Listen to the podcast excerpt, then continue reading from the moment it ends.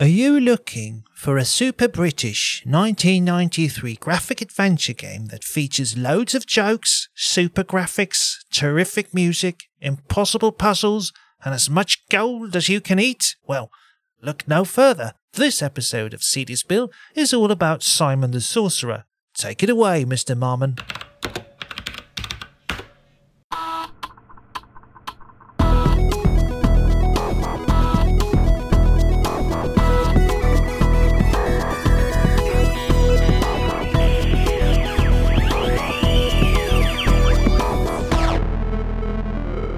Velkommen tilbake til CD-spill, den gode gamle podkasten hvor vi snakker om de gode gamle spillene på de gode gamle PC-maskinene som eh, sto rundt omkring i eh, kjellere og gjerne helst steder uten så mye innsyn fra lyset utenifra, for det er jo irriterende med disse, disse skjermene som reflekterer sollyset.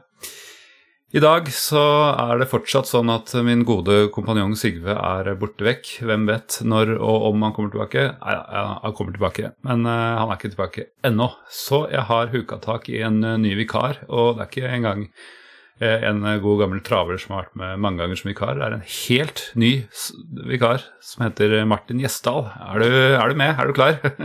jeg er klar. Jeg er veldig klar. Så jeg føler meg som eh, blodferskingen her. Det, men vi kjører på. Ja, det er bra. Eh, du kan jo, Siden du ikke har vært med før, da, kan du jo si noen Du har jo din egen podkast, og du er jo spillinteressert sånn. Har du lyst til å gi deg en liten uh, introduksjon? Ja, jeg, jeg driver en podkast sammen med en som heter Erling, og med, som heter Flisespikkeriet.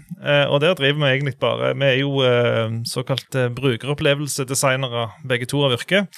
Så vi driver og plukker i eh, designet på småting, både i det fysiske rom og digitalt. Eh, og i tillegg så skriver jeg litt for spillhistorie.no på retrosida, og det har vært litt gjest her og der. Har vært et par ganger med i Retrocrew. Jeg syns det er egentlig retrospillmiljøet og alt sammen retrospill er veldig kjekt, men jeg, veldig, jeg har veldig lite Jeg har veldig lite bredde, så jeg har, har, noen spill jeg kan veldig mye om, og så har jeg mange spill jeg ikke har uh, sett, omtrent. Så ja. Det høres bra ut, ja, men da passer det jo fint her, da. For her eh, ja. prøver vi å få med oss spill vi liker godt, og forhåpentligvis er det en del eh, nytt å lære hvis man ikke kjenner til det. Ja, satser på det. Eh, så er det gøy å ha med en podkaster som ikke er en spillpodkast. Det tror jeg er første gang ja, Kanskje ikke første, men en av de første gangene i hvert fall. ja. Men du nevnte en viktig Q her, og du skriver litt på spillhistorie.no. Det er jo en veldig bra side. Kjenner, du kjenner godt til det? ja da. Så det, nei, men der også, jeg, jeg, skriver ikke noe sånn, jeg skriver kun sånne gode, gamle spill. Eh, den ja. eh, posten jeg skriver for. Så da tar jeg, eh, plukker jeg et spill som jeg har spilt og jeg har gode minner til, gjør litt research på det, og så skriver jeg en liten artig artikkel. Og så har jeg jo tydeligvis eh, truffet en nerve med mange av spillene, iallfall. Så det er litt eh, styr rundt det når jeg har lagt ut noen av de. Så, og noen er helt ukjente for folk. Så det er jo det er bare, bare kos og gøy med gamle spill og mimring, stort sett. Ikke noe elitegreier, bare kos. Det er akkurat det vi gjør i CD Spill, bare at du gjør det i tekstform. ja, stemmer det. Det er ikke langt ifra. Ja. ja. og det var ganske bra timing, da, for du hadde jo en uh, artikkel om du, uh, det, den episoden vi skal snakke om i dag, altså om Simon the Sorcerer. Ja. Så det, ja, stemmer det. det pirker, pirker, litt i overflaten, egentlig, bare. Så uh, kjekt det. Nå kan vi godt ta et lite dypdykk, tenker jeg. Ja, det er kult. For dette er jo Eh, det er jo eh, altså du var en litt sånn reddende engel, for jeg gikk litt tom for eh, vikarer og tom for spill. Og jeg hadde en litt plan som gikk i vasken, og sånn, og da var det veldig spot on at du hadde den At jeg hadde ferskt minne at du likte Simon the Sorcerer og hadde skrevet en artikkel, så det passa jo perfekt. Ja da, det, men du vet hva folk ikke gjør for å komme seg på en podkast og føle seg litt viktige, vet du. Det ja, det er bra. Men du har jo ikke hatt en gjest òg, kan ikke du introdusere han? Ja, eh, Med oss i dag så har vi en som har vært på mange podka forskjellige podkaster, vært gjest mye, og det er jo faktisk han som driver eh, spillhistorie.no. Direkte fra gamle Sogndalen kommune, Joakim Froholt. Yay! Hallo, hei. du har blitt fast invitar her. ja, i det siste så har jeg nesten det. Nei, Det er veldig bra. I Sigurds fravær så har du vært på tre av fire eller noen sånne episoder, tror jeg. Eller, ja, det er i hvert fall en god, god del nå. ja, i dag så uh, må jeg vel innrømme at jeg er ganske trøtt, fordi at uh, i, sånn i nitida i går kveld så fant jeg ut at jeg må jo spille Simon Sorcerer litt. Grann. og så, ja, lang historie kort, så fikk jeg ikke lagt meg før over halv to. Å, oh, det godt. Ok. Eh, men Ja, jeg spilte det- gjennom det, da. Da er jeg jo stolt. Ja, er vi med uten eh, walkthrough, Nei, nei. da, eller? Nei. Det, var med, med store mengder hjelp. Ja. Ah, kult. Hvor, eh, hvor eh, Ja, da kan jeg egentlig regne ut hvor, hvor lang tid du brukte. Fem, fem timer? Nei, fire, fire og en halv time eller noe sånt? Ja, det, Hvis det ikke hadde brukt hjelp, så hadde det jo blitt Jeg hadde jo ikke klart det. Ja. Men Jeg når spilte du sist? Uh, ja, si det. det er sikkert 2010 eller noe Ja. sånt. Noe rundt den tida. omtrent omtrent da jeg spilte sist da. Ja, ja. Vi skal tilbake til uh, Simon Sorcerer straks, men uh, jeg tenkte bare vi skulle titte litt i om det har skjedd noe på sosiale medier. Da prata vi om Railroad Tycoon, så du også var med, Joakim. Mhm. uh, og på Facebook så har det kommet inn en kommentar av en Hvem er dette? Martin Gjesdal? Er det noen av dere som kjenner til han? ja, det er jo helt ukjent. Aldri kommentert før heller. så ja, eh, skal jeg lese den opp, eh, eller skal du lese den opp selv? Jeg leser den opp, du. Ja, Som vanlig kjekk episode med spill jeg aldri har spilt. En glede å høre Fiddan igjen. Ja, vi hadde jo, eh, hadde jo um, Husker jeg ikke fornavnet. Det var dårlig Erlend. stil. Erlend Fiddan. Ja. Eh, Som ja, gjorde en eh, veldig god rolle, og du Joakim. Eh, Så vi fikk jo masse insight om Railroad Tycoon som vi ikke hadde sjans til å grave opp. Og ja, eh, veldig Det var hyggelig at du, du likte den. Falt i smak. Eh, Kan vel vi tre være enige om at det var bra? Ja, jeg vil bare si det, altså, jeg, eh, eh, jeg sitter, når, jeg når det spillet jeg har spilt før, og hører på podkastepisoder, så sitter jeg av og til og irriterer meg over detaljer de ikke tar med. Mens når det, det, Derfor koser jeg meg egentlig mest med de spillene som jeg aldri har spilt før. For da er det bare masse nytt. og ja. Så går jeg ofte inn og sjekker skjermbilder etterpå, og så ser det jo helt annerledes ut enn det bildet som ble malt i podkasten. Men sånn er det jo. Det var en veldig kjekk episode, det òg. Så bra. Nei, men eh, da Jeg tror det var det som kom. Jeg har en på Twitter, eller X som det heter. Ja. Eh, Kissbjørn Treepskau. Hørt om han før? Ja. Hørte jeg rett i at du har gått tom for spill å ta i CD-spill, Mr. Mammen? Jeg har vitterlig et forslag, men vet ikke om det er vits å prøve. Så han pastet inn en gif fra Amiga-klassikeren Moonstone. Eh, som er et ekstremt smertefullt eh, spill. Jeg prøvde det nettopp på ny i, på A500 Minien min, og det Jeg husker når vi spilte det, så brukte vi veldig veldig, veldig lang tid på å komme av et bitte lite stykke. Det var et vanskelig spill. Veldig kjekt. Kult spill å se på ny i en longplay, men å spille seg opp på det nivået vi var på da, det, det utgår. Det er, det er så gøy det du sier, fordi når vi først hørte noe Når han Tripskau først begynte å snakke om Moonstone, så hadde jeg aldri hørt om spillet engang. Og Nei. flere av gjestene som hadde heller aldri hørt om det. Men uh, da begynner jeg nesten å tro at det er ekte spill. Ja, ja sant? Det, var, det var et spill som var veldig vanlig. At det var mye spredt på piratmiljøet på Amiga eh, i Norge, tror jeg. Så det var veldig mange som har prøvd det litt, iallfall, og har kjennskap til det. Og, all- og det, det var en veldig kul intro på det spillet. og det, liksom, De gjorde inntrykk på deg, selv om du kanskje ikke spilte det så mye. Så var det et spill som hadde en kul, eh, en kul handling. Og Det var bare eh, introen jeg har eh, Jeg fikk i gamle dager fordi det var en diskettfeil på min kopi. Oh, no. jeg fikk, jeg fikk kul intro, ikke noe mer. Nei. Ok, men eh, da går vi til dagens tema, og da skal vi tilbake til 1993. eh, utgitt av Adventuresoft og utvikla av Adventuresoft. Det er Simon the Sorcerer.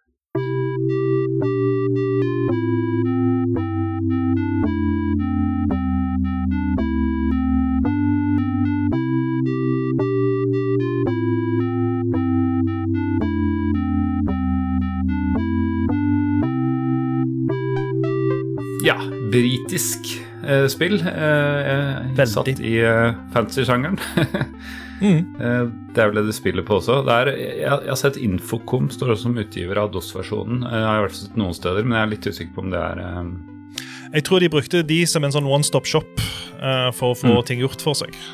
Ja, for det er litt gøy, for jeg har funnet to manualer. Jeg tror en er skrevet av Infocom og en er Adventuresoft, og det står det samme i dem. Og det er til og med sånn bakgrunnshistorie og sånn er litt uh, forskjellig, men vi kan komme tilbake til det etterpå. Kan ikke du gi en liten introduksjon av hva uh, Litt dypere enn det jeg sa, hva Seven Sorcerer går, går ut på? Ja, altså, kortversjonen er eh, hva skal vi si, britisk Monkey Island eh, med Wizards, rett og slett. Eh, men eh, kort, sagt så, så eh, spiller du en karakter som heter Simon, som er en vanlig gutt. Som da eh, med et uhell havner inn i en annen dimensjon, hvor det er litt sånn middelalderstil og ja, eventyrfigurer og masse sånne ting. Og da eh, skal du da Oppdraget er å redde en trollmann som heter Calypso fra en annen trollmann som heter Sordid. Og for å gjøre det, så, så starter du med at du får en beskjed fra Calypso at du må bli en trollmann og bruke den troll... Den der uh, spellbooken hans uh, for å redde han fra Sordid. Det er på en måte grunnlag. Det er det du starter med. Da starter du hjemme hos Calypso i huset hans, og så skal du ut og prøve å finne ut av å bli en trollmann og finne ut av ting. Så det er vel det som er, det er premisset i spillet. Mm. Og en ting jeg syns er litt merkelig sånn historiefortellermessig, er at Sordid og Calypso har liksom ingen rolle i spillet. Eller sånn nesten ingen rolle i spillet. Du får, ja, du får en introduksjon i starten. Du får ikke vite noe mer om Sordid omtrent. Det er, eh, ja, det er liksom bare en kar som bor borti, borti nærheten. Mm. Så det er veldig liten ja. tilstedeværelse av disse måte, hovedpersonene uh, i historien. Jeg vet, ikke om vi skal begynne å, jeg vet ikke om vi skal begynne å spoile allerede nå, om det, om det er greie, eller om vi skal bare drite i det. Uh, kan du bare si, Hvis folk vil spille det, så spill det. Skru på pause nå og spill det. Mm -hmm. Og hvis ikke, så begynner jeg å spoile ganske fort. Ja, vi, tar, Fordi, vi, kan ta eh, ordentlig historiegjennomgang nå med en gang, vi, og så får vi heller ja. uh, prøve å ikke snakke om det senere. Så kan jeg skrive litt timemarks marks hvis, hvis, det er det du vil. Men ok, ta, ta, gå litt gjennom det. Ja. Det, det, første som skjer, er at du skal da altså bli en trollmann. Uh, og da treffer du noen trollmenn i den lokale tavern. Uh, og de utgir seg jo for å være bønder, og det, altså, um, det, er noe av det første du merker i dette spillet, at det har ekstremt mye humor. så uh, jeg kan ikke huske jeg lo høyt, men det var fordi jeg, når du sitter alene, så ler du aldri høyt. Men jeg lo høyt inni meg mange ganger. Og det som er litt artig, det er at du kommer til disse trollmennene. Så, um, og Der er det veldig stor forskjell på eh, diskettversjon og CD-romversjon. For på CD-romversjonen så får du med tale. Og da hører du hvor enormt bondske disse trollmennene prøver å høres ut. Og så mm. går du til dem og sier at du trenger hjelp til å bli trollmann. Ja, ja, men vi er bønder, eller et eller annet, sier de. Hvorfor tror du vi er trollmenn? Og da er det sånn Ta musa over. Så sier jeg ja, når jeg tar musa over dere, så står det Wizards. Ja. Ja, det, det er så, Sånn humor gjennom hele spillet Det er min favorittting med dette ja. spillet. Ja, for den så, bryter fjærveggen hele tiden. Mm. og du gjør allerede i intro, introen så sier han eh, her er det noen credits vi bør se på før vi starter spillet. og sånn. det stemmer, det. Og, mm. og snakke om deg til andre karakterer, og snakke mm. til deg direkte. Mm. Um, og altså, Jeg skulle ønske det var du som var i den posisjonen, ikke meg. Mm, mm. Og Så må du da ut, og så treffer du da forskjellige folk rundt forbi, og figurer, som du da skal hjelpe på en eller annen måte, eller få noe av. Og så skal du plukke opp ting litt sånn Egentlig Du er litt all over the place. Det er jo litt som det som er litt kritikken til Simon the Sorcerer. Da, at det, du har en veldig stor åpen altså 80-90% av spillet er åpent allerede når mm. du starter. Så, så du, du har veldig mange plasser du kan gå. Uh, og det skal veldig lite til for at du kan gå enda mer plasser. Og du kan gå inn i en skog som er kjempestor, sånn 30 forskjellige skjermer eller et eller annet sånt som det. Og så skal du plukke opp ting og bruke dem med hverandre. Uh, men til syvende og sist så skal du da til slottet til, til Sordid.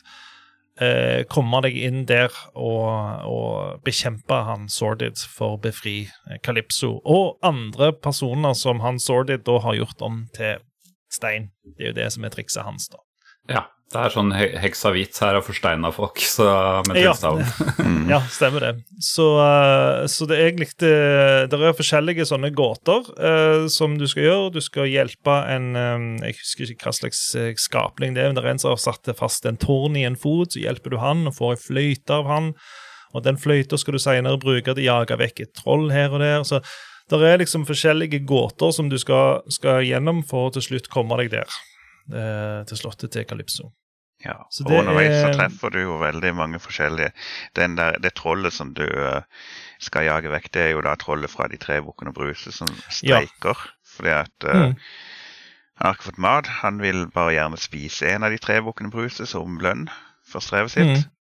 Og, uh, men det får han ikke lov til, for dette, dette her er ikke faktisk noe som skjer. Det er et skuespill som de tydeligvis reenacter hver eneste dag. Mm. uh, Så, så, da slipper han ikke noen forbi før han får spist en av de, og de vil jo selvfølgelig ikke bli spist, så da må du få hjelp. Ja, og så lukter, Han lukter lunter da, når den første bukken Bruse sier 'ta heller nestemann'. Så sier han nei, nei, nei, stopp her. Og så Da begynner han minste bukken Bruse å protestere og dra fram ei svær bok der det står 'nå skal du høre til å si det og det'. Eh, det vil ikke trollet ha noe av, så eh, ingen slipper forbi han fordi han er på, på streik. Det er en fantastisk scene. Altså Hele spillet er jo egentlig parodi på diverse sånn fantasy og eventyr og sånne ting. Gollum dukker mm. opp, uh, f.eks. fra Ringenes herre ja. osv. Ja, det, det, er mange referanser til, det er mange referanser til Ringenes herre underveis. Han er jo med mm. i dette her Tolkien Appreciation Society, og det er jo da Simon spør deg direkte. Jeg håper ikke det er noen copyright infringement her. Ja. han heter ikke Gollum, da. Han heter Gollum. Nei. Golum, ja, med én oh, ja. L. er viktig. Ja. han er med i dette her, og han sitter og fisker da, uh, i en elv som, som, minner veldig mye om, uh, om Ringenes herre og Tolkien. Så det er, ja. er, noen Tolkien-referanser rundt forbi. Men, men, hvis vi først skal gå på referanser, så vil jeg jo si at for de som har lest Discworld av Terry Pratchett, uh, så er det mye mer sånn atmosfæren i spillet, og humoren i spillet er, er tungt tungt inspirert av Discworld. Det er skinner gjennom i, i, nesten alt. altså. Det er sånn, Den her britiske humoren det er tydeligvis ganske inspirert av Terry Pratchett. Mm. Det, det, er ikke så forferdelig rart, da, for egentlig så skulle det vært et Discworld-spill. ja, stemmer det. De maste jo maste på han Terry Pratchett, men han, eh, han var ikke så interessert i spill generelt. Han solgte rettighetene seinere, og det ble Discworld-spill, men, eh, mm. men, de fikk de ikke, da. Så det var jo, og det var jo da de lagde Simon the Sorcerer. Ja, Hvor mange år etter kom Discworld-spillet? Ja, da spør du godt. nei, ikke forberedt på det, nei. Nei. Nei, fordi Jeg husker jo at det kom et spill, jeg har ikke spilt det, men det, jeg, jeg husker motsatt. Jeg husker at å, Det minner meg om Simon, Sound the mm. Sorcerer, uten at jeg helt kjettet til eh, Terry Pratchett på den tida. to år seinere, 1995. Ja, og da kom det tre, eh, tre, spill på ganske kort tid med Discworld. Mm. Men det var, ikke, det var ikke Adventuresoft som lagde det. Nei. Men uh, tilbake til disse referansene der. Når du, du Han Gollum, eller Golum han skal, det han skal, det er å skaffe mat til resten av dette uh, Tolkien Appreciation Society. Det er derfor mm. han mhm. står og fisker. da. Så har du noe mat til han, som du har funnet en annen veldig kul scene, da. Og så gir han deg fiskestanga si, og så fisker du opp, etter mye, mye om og men, så fisker du opp en ring. Som tilfeldigvis, altså helt tilfeldigvis, gjør det usynlig når du tar den på. ja. Nå, og det trenger du til noe annet senere i spillet. Ja, ja. Eh, helt på slutten så er det ikke at du skal kaste den i noe, men du, du skal i en sånn vulkan-fortress. Uh, så mm. Sordid sin nei, festning er jo Det er jo Mount Doom. Jeg husker ikke hva det heter når jeg spiller, men det, det er nesten det det heter. Rondor. Ja, det, Pits of Rondo. Du går gjennom en sånn Rondo Du går gjennom en teleporter helt på slutten, faktisk. Ja, stemmer det. Ja, nei, det, det, og det er, er, mange sånne små referanser. Det som, er, det som, jeg liker så godt med det, er jo at uh, Terry Pratchett likte jo ikke Tolkien i det hele tatt. Uh, han syntes ikke det var en måte å skrive bøker på. så det er jo ja. ja da. Ja, de har, de har blanda friskt der, og mye av humoren er jo henta Det er Monty Python og det er Blackadder mm. som helt tydelig har inspirert mye av humoren i, i spillet. Så, og han som skrev spillet, det var jo eh, en som heter Simon. Som var sønnen ja. til han Mike, Mike Woodruff så Det er Mike Woodruff som er hovedhjernen bak dette, men det var sønnen som skrev hele historien. og Han heter Simon Woodruff, og han var 16-17 år og skrev et spill som han syntes kunne passe på seg og sin kameratgjeng. Så mm. det er jo eh, litt kult, da. Og det er mye av humoren dette kom fra. De så sånne filmer og leste sånne bøker. Siden, siden, jeg så opening credits, så antok jeg alltid at eh, det var oppkalt etter han. Men uh, er, ifølge Wikipedia så er visst ikke det Han er, veldig insisterende på ja, han er veldig insisterende på at det, Men han skulle jo egentlig hete Willy the Wizard. Uh, var jo mm. egentlig det opprinnelige navnet på, på dette spillet. Uh, altså, av en eller annen grunn så følte de bare at det ble feil, da. så, så, de gikk for Simon. Doss. De vil ha et eller annet sånt på to samme bokstavene. Ja, sånn bokstavrim. Men eh, ja, jeg er jo enig i at det er bedre at det ble litt ja, dårlig, det første for forslaget deres. Men eh, det passer jo ikke inn i Lauren, for jeg tror ikke Sorcerer blir nevnt i in game i det hele tatt. Nei, nei, nei. det er Wizard. nei, nei, det er bare Wizard. Og så Nei, så treffer du jo ei heks, da, men uh, ja. Mm. Ja, stemmer det. Uh. Ja. Nei, jeg syns uh, det, det, det, det, får meg til å tro at den tittelen kom ganske seint, uh, kanskje når de omtrent var ferdig med spillet, siden det ikke nevner Sorcerer sånn ellers. ja, nei, jeg tror, jeg tror, bare det var for å få inn det ordet, så var det Wizard de hadde mm. brukt. Så det er ganske sikkert at de har gjort mye ferdig før den tid. Mm. Men jeg uh, Ja, altså, det er, jo, det er jo et enormt vakkert spill, da. Det var jo, jeg, mm. tror, eh, jeg tror veldig mange av de som har spilt og har gode minner, eh, har gode minner fordi det var vakkert og det var kjekk musikk. Så det er sikkert mange av de som har gitt opp ganske fort når det er krevende ja. spill. Men, men jeg, jeg, har snakket med mange altså, når jeg har sagt liksom, jeg har, eller lagt ut den artikkelen på spillhistorie og snakket med andre, så er det liksom ja, det, har, det var kjekt, men jeg fikk det aldri til. Det var fint, og det var mm. vakkert, og jeg mm. husker musikken jeg klarer liksom å høre musikken jeg ser det, osv. Så, videre. så jeg tror det er mange som har um, gode assosiasjoner til det spillet pga. musikken eller grafikken. Ja, ja. Altså, det er jo det første jeg også tenker. er den der, Jeg hører den musikken, spesielt når du mm. først går inn i skogen, så er det sånn utrolig koselig musikk. Og så er det mm. de scenene de er liksom ikke, Jeg er vant til eventyrspill at det er veldig statiske scener, men er det dyr som løper i skogen, og dukker ja. og fugler og flyr og Sommerfugler og fugler, og, og det er de lyder og ja. Og det er liksom, Du føler at liksom, du føler varmen på kroppen omtrent uh, bare ved å se på de og høre musikken og se på de scenene. Ja, ja. Så det, akkurat det er uh, amazing. ja, altså det er så vanvittig mange, mange sånn, detaljer som de har, f.eks. i Hvis du ser den der elva som går under der trollet står, så er det en mhm. fisk, en laks, da, som svømmer oppover. Og så kan du se liksom når den bryter vannoverflaten, og så uh, bølgene liksom sprer seg utover, og så svømmer han videre. Det ser så realistisk ut. Og andre steder du har noen sånn ender som driver og svømmer rundt deg, som bare racer frem og tilbake, og så tar og så yeah. ja, klør seg litt, og så racer hun tilbake. og det, det er så mye. Ja, altså de tingene der er, er, Det har ikke noe effekt i spillet. ikke sant? De, det går ikke an å interagere med de endene for eksempel, eller fisken eller sånne ting. Men uh, det er så kult at de har brukt så mye tid på liksom bare la oss kalle det bakgrunnsanimasjoner. Da, eller mm. forgrunnsanimasjoner, for den saks skyld. ja, det... det var litt av, litt av det som uh, trollbandt meg første gang. Og, og første gang jeg så dette ja. spillet, var faktisk i et Amiga-blad det året det kom ut. Jeg, for da, da hadde de jo jeg savner, jeg savner de, blad, de bladene der, altså. Amiga-blad og PC-blad. Uh, da så jeg, husker jeg så de hadde disse eh, skjermbilder fra Simon the Sorcerer, og det så jo bare så helt fantastisk vakkert ut. Og Du var liksom vant med det som var grafikken på den tida. Det var liksom akkurat begynt å klare å lage veldig mye fargerik grafikk. Eller det var liksom før de klarte å lage veldig krevende actionspill, så var det jo mye adventure-spill, og de var, de var, litt i denne klassen, men Simon the Sorcerer det skilte seg veldig ut. Og når jeg da til slutt fikk det Og dette er jo faktisk litt sånn artig, uh, siden dette er en uh, DOS-basert podkast, at uh, dette var det første spillet jeg spilte, skikkelige spillet jeg spilte på DOS. Um, nice. det, var stort, det, var, ja, det var et stort spill på Amiga òg.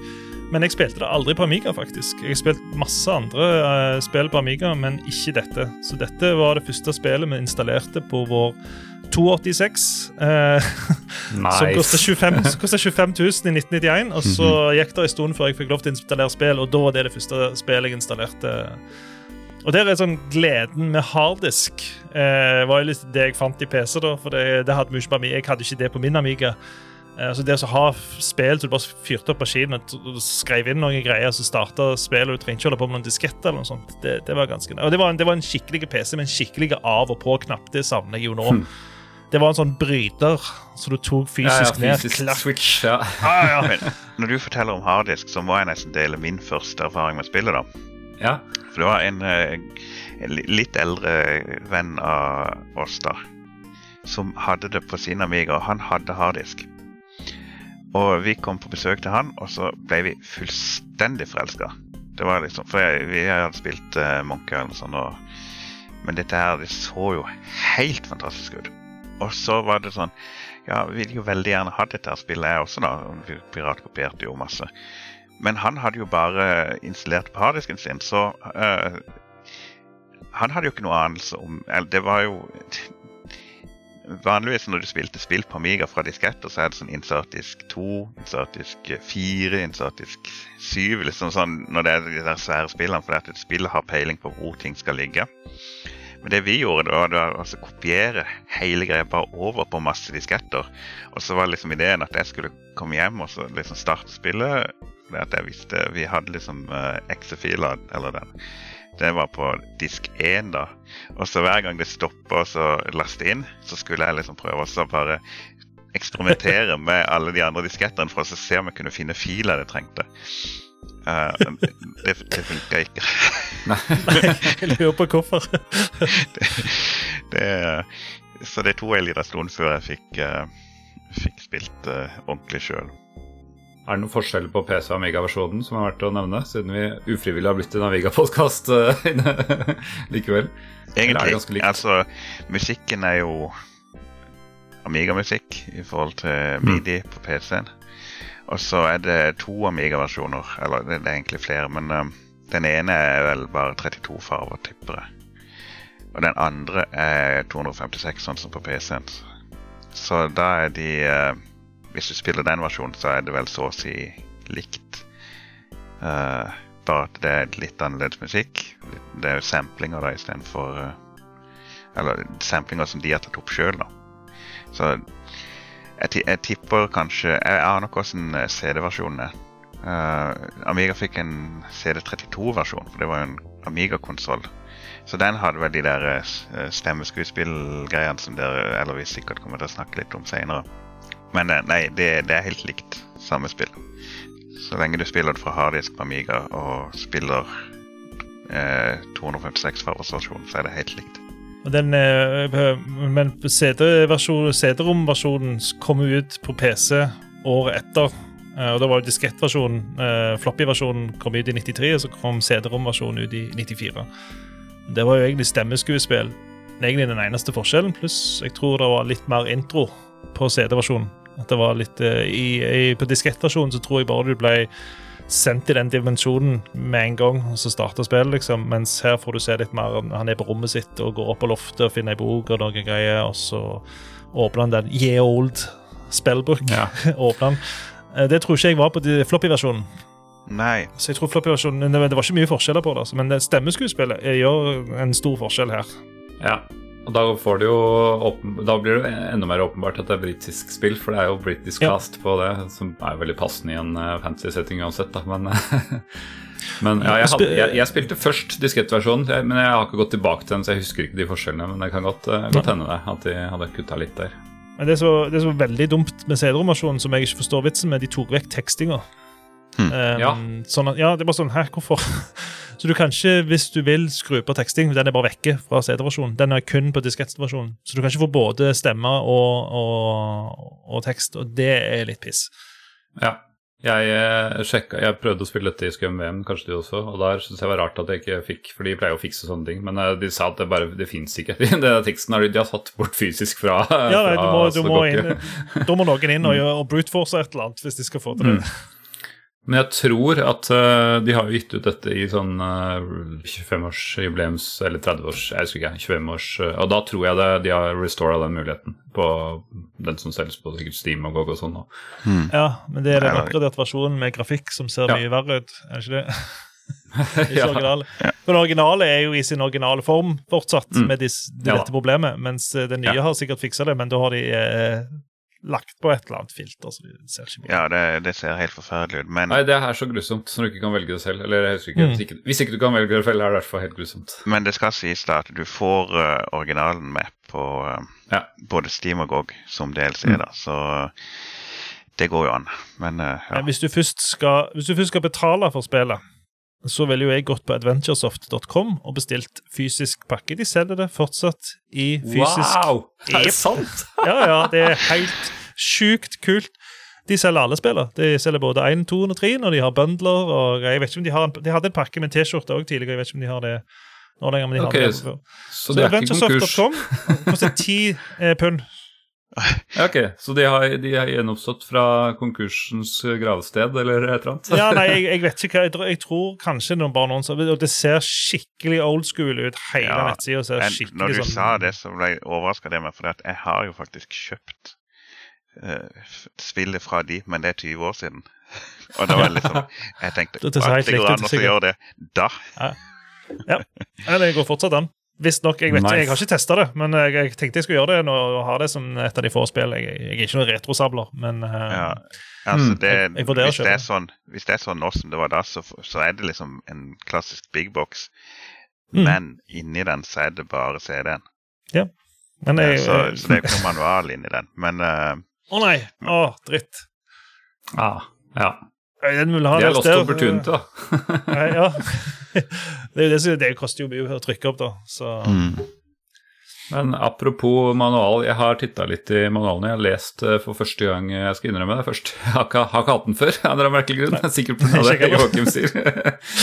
men, eh, men det som er interessant, det er jeg fant to eh, manualer på internett eh, hvor de eh, liksom eh, skriver om for, intro, eh, foreplay. Eh, og begge manualene altså, Det er basically den samme historien, de er skrevet med forskjellige ord. Og det, så det står ikke akkurat den samme historien. Eh, og det er jo det som skjer før Jeg var ikke klar over det som måtte skje før det du ser i introen, som vi snakka om Ja. i stad.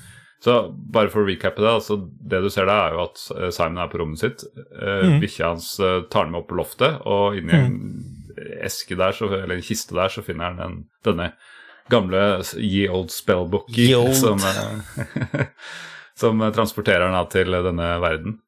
Og jeg bare tenkte ja, ja, det var vel noe som bare lå på loftet, da. Men, men i, den- i denne introhistorien så for, forklarer han at det er først er Simon er tolv år, han har akkurat hatt bursdag. Han var misfornøyd med, med tullemagikeren som faren, foreldre hadde, hadde booka, som hadde gjort de samme triksene alle tolv årene han hadde levd. Så han raga og bare fortalte hva triksene gikk ut på, var ikke imponert. Eh, og så ønska han seg eh, Ja, det er, det er litt interessant. Secretly så ønska han seg eh, noen, eh, noen ting. Og det, der er, i den ene manualen står det at han ønska seg en hund, i den andre står det at han ønska seg en Gameboy eller annet sånt noe. Eh, men uansett. Eh, så plutselig så dagen etter så ringer det på døra, og der ligger en uh, bikkje som han kaller for Chippy, uh, som har en merkelig bok i hånda som med et språk ingen kan lese. Og han var glad for bikkja og slang da denne boka på loftet. Eh, så det, det, det var nytt for meg. Jeg vet ikke om dere har lest dette før? Jeg har hørt om det, men uh, den bikkja er Calypso sin hund. Uh, Ja, riktig. Og, og det spillet starter jo med at han står og bjeffer på den boka, og liksom nå er det på Mm. Og det er jo da han går opp på loftet og åpner den boka som han da ser Calypso sin spillbook. Det er jo da han Mm. blir transportert. Og da blir han transportert rett ned på matfatet til noen orker som står og har prøvd å sømne mat, og så, det, så hiver de den oppi ei gryte og skal koke den, og så kommer da den her bikkja og jager orkene vekk, og så klarer de å stikke av. Så Det er jo det som er åpningssekvensen i sin helhet. Og så kommer han Ja. til huset til Calypso, som hunden fører han til. Og det, det blir vel også neste eneste gang du ser hunden før uh, helt på slutten. Men Ja, stemmer det. eh, det. Når jeg spilte det i går, da, så la jeg merke til det må ha gått et par år da siden uh, han fikk den boka. For i spillet så sier han at han holder på å bli 16 eller 15, 15. om 15. to måneder eller noe sånt. Oi. Ja, stemmer det. Så han er nesten 15 år uh, i, i spillet. Og, og det, de er et av få sånne spill altså De har jo våget å ta han videre i de neste spillene, har jeg forstått, så blir han jo eldre og eldre. Så det er ikke sånn at han er sånn som Bart Simpson, som alltid Mm. er ti år. Mm. Så Det er òg en litt kul detalj. Og når, Sims, når Simon kjeder seg, så du står for lenge uten å gjøre noe, så tar han jo opp en Walkman eh, og hører på. Mens du sitter og prøver å finne ut av eh, hva ting er. Stemmer det. Det er sånn kule, idle ting, da. Ja, Det er litt irriterende, for at når de først skal gjøre noe igjen, så må en liksom ta en av seg. For at Ja. det, Mm. animasjonene i dette spillet er jo helt vanvittig bra. Ja, det, Uh, og for det, er veldig mange gamle eventyrspill dette, Vi har vel faktisk ikke sagt nøyaktig hvilken type spill det er. Men eh, altså, det er klassisk pek og klikk. Sånn du klikker på verb i bunnen av skjermen. Og så Mm. uh, objekter i skjermbildet i toppen. Og, og i veldig mange eventyrspill så er det jo sånn at uh, de har lagd en sånn uh, Han strekker hånda frem, og så tar han henne tilbake igjen, og så gjør et eller annet på skjermen. Men her er alt animert. Ja. Eller så Mm. godt som alt animert for hånd. Uh, I den, de detaljene som han faktisk skal gjøre, de vises på skjermen. Men det problemet da, det er sånn som her, da, at det tar litt tid. Så Ja. Med en gang du er ferdig, når du tenker at du skal gjøre noe, så må man ta av seg denne her eh, høretelefonene og så putte eh, Walkman i eh, lua si. For han putter jo alt i lua si. trollmannlua. Til og med Mm. en svær stie.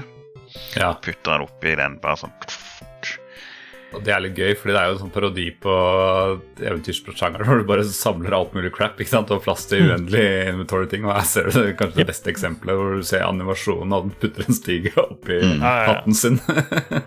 Ja, og når han skal bruke den igjen, så tar han opp av lua, så putter han den. Så det er Han holder bare lu- lua ut, og så detter stigen ned Ja, der det som han skal. Det er fint. Ja. og så har han en gris oppi, og han har alt mulig oppi den hua. Og to veldig viktige ting som han har oppi, er jo eh, kart. Som ikke Mm. alle mm. sånne typer spill som dette hadde, så du kan lett hoppe av lange avstander. Ja, det er Så sånn fast travel-system som, uh, Ja. som kanskje er vant til i dag, men det er, jeg tror jeg er første gang jeg opplevde det i et spill. I hvert fall veldig tidlig. Ja, du, hadde, du hadde på Monkey Island du kunne reise fra øy til øy, og, Ja, og sånt, men, men det er ikke helt det samme likevel. Eh, Så her, Du har et stort kart, så kan du, når du har kommet til forskjellige plasser, så dukker de opp på dette, på dette kartet som du alltid har med deg. Eh, Men det var likevel ganske smertefullt Ja. å finne fram, for det var fortsatt en labyrint. eh, for Det var ganske store plass, store avstander i, i spillet, så Ja. det var ikke bare bare å finne fram. Ja, altså det er jo bare noen få steder. eh, men Mm. uten det der kartet tror jeg nesten det hadde vært uspillbart. Så stort som det Ja. spillet. Det er Ja. altså, stadig i starten, men det er vanvittig stort. Det, må være over 100 skjermer. Skulle ikke Ja, det tror jeg. Og, og det er en eh, veldig god grunn til det òg, som jo er interessant. De lagde jo noe som heter Agos um, til dette spillet, som var altså Adventure Hva er det? Adventure Graphic Operating System. Uh, og det det gjorde for denne gjengen her, Adventuresoft, var jo at de kunne lage veldig mye innhold uten å ha utviklere til stede. Så de, de på en måte et scripting-system for vanlige folk til bare å lage innhold i spillet. Så det gjorde til at disse her folka som sånn Mike og de andre som de var, Han var jo utvikla for så vidt, men det var andre som var med og deltok i, i å lage spillet, og da kunne de lage veldig mye innhold. Så jeg tror kanskje det har gått litt over stokk og stein med den friheten de har hatt, der de ikke har på en måte klart å gjøre det enkelt nok, så har de bare utvidet og utvidet fordi de kunne. Så jeg tror de har gått litt i ei felle der fordi det var veldig enkelt å lage innhold. Men det var jo fantastisk eh, skriptingsystem, og hvis det skriptingsystemet ikke støtta noe, så bare fikk de en, en utvikler til å lage liksom, her er tre ekstra kommandoer du kan bruke i skriptingsystemet. Puff, så var det klart, liksom. Mm. Så det er veldig kult, det, er veldig kult det systemet der, altså. Og så, er det jo disse her verba, har jeg jo tatt en liten titt på, for det er ikke helt de samme verba som i, i andre spill. Så jeg kan sammenligne med Monkey Island 2, da, som kommer året før. Eh, Og der har jo eh, Simon the Sorcerer har jo tolv, da, hvor Monkey Island har ni. Og der er det type um, Simon har uh, Walk to, som ikke Monkey Island har, og, og, og Consume. Ja, det er litt det er veldig rart. spesielt. Det, det, det, er veldig, det er veldig sjelden du trenger den, men, men du trenger den i, i løpet av spillet. Remove Ja. eh, og, Og wear. altså ha på seg, og move og use. Um, ja, use har jo for så vidt Monkey Island òg. Og så Monkey Island har push og pull òg, Ja, ja. der, eh, der um, Simon bare har move uh, istedenfor. Og så har du det vanlige open, close, give, talk, look at, Mm. pick up. Så, så hvis du kom rett fra Monkey Island her, eh, så var det bare rett på. Eh, Mm. Superlett å, å forstå. Eh, og de har òg designa spillet sånn at det, du, det er ikke noen plass du kan gå deg fast, hvor du må gå tilbake til en gammel save eller noe. Så hele spillet la- er lagd sånn at du hele tida har muligheten til, til å hente deg i motsetning til Jeg, skal ikke nevne navn, men en viss annen utvikler av adventure-spill som var store på 80-90-tallet. Hvor du kunne bli drept hvis du gjorde feil ting, kombinerte feil ting. Eh, så var det her samme stilen som Lucas, eh, Lucas Arts, hvor, du, hvor du ikke kunne dø, og du kan ikke gå deg fast. Du har hele tida muligheten til å hente deg inn. Men den, Ja. men den andre tingen i inventory, jeg vil bare nevne det, eh, er jo postkortet. Eh, Fordi dette spillet har ikke en hovedmeny. Og når du har spilt gjennom det, så bare quitter, i sin tid så quitter de bare til DOS.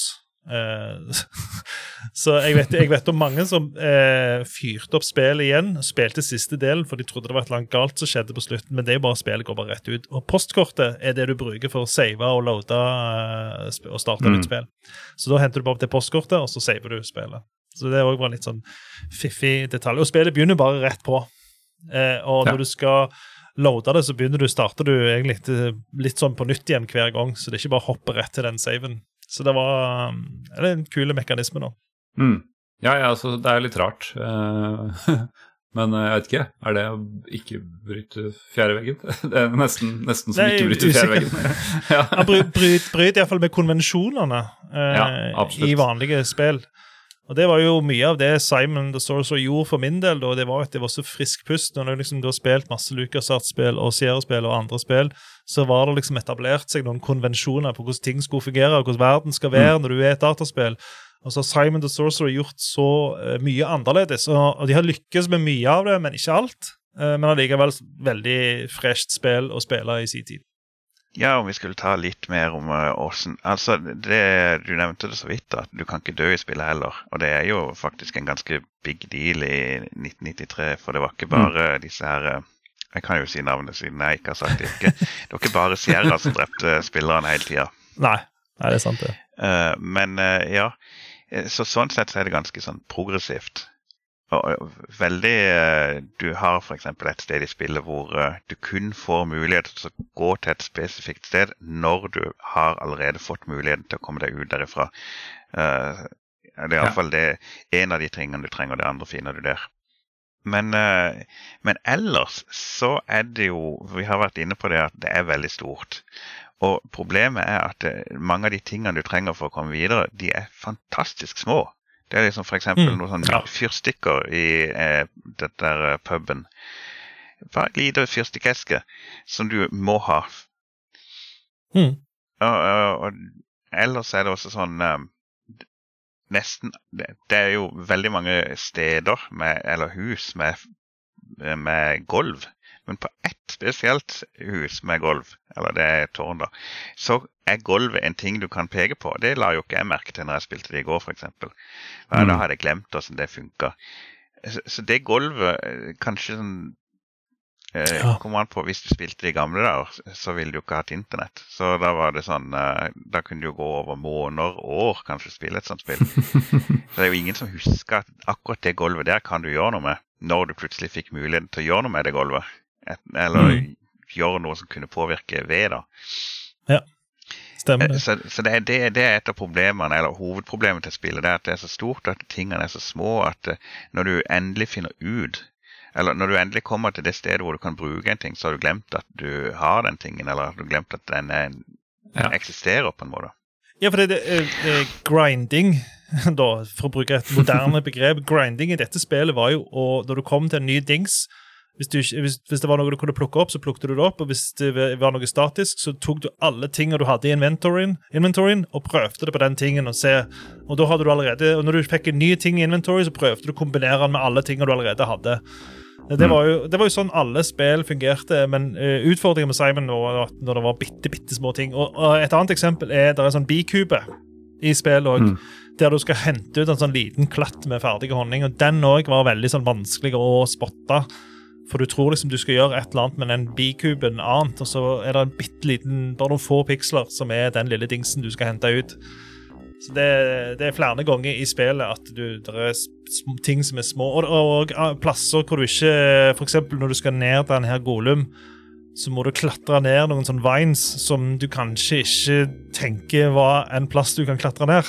Mm. Eh, så sånne, De var liksom ikke så gode på sånne visuelle cues da, for å ta deg videre. Nei. Nei, Det virker nesten litt motsatt, at de bevisst har gjemt ting. Det er mange ja. sånn små ja. Eh, steiner og sånt. Nå. Er liksom bare én stein av enormt mange, for det er jo så detaljert spill.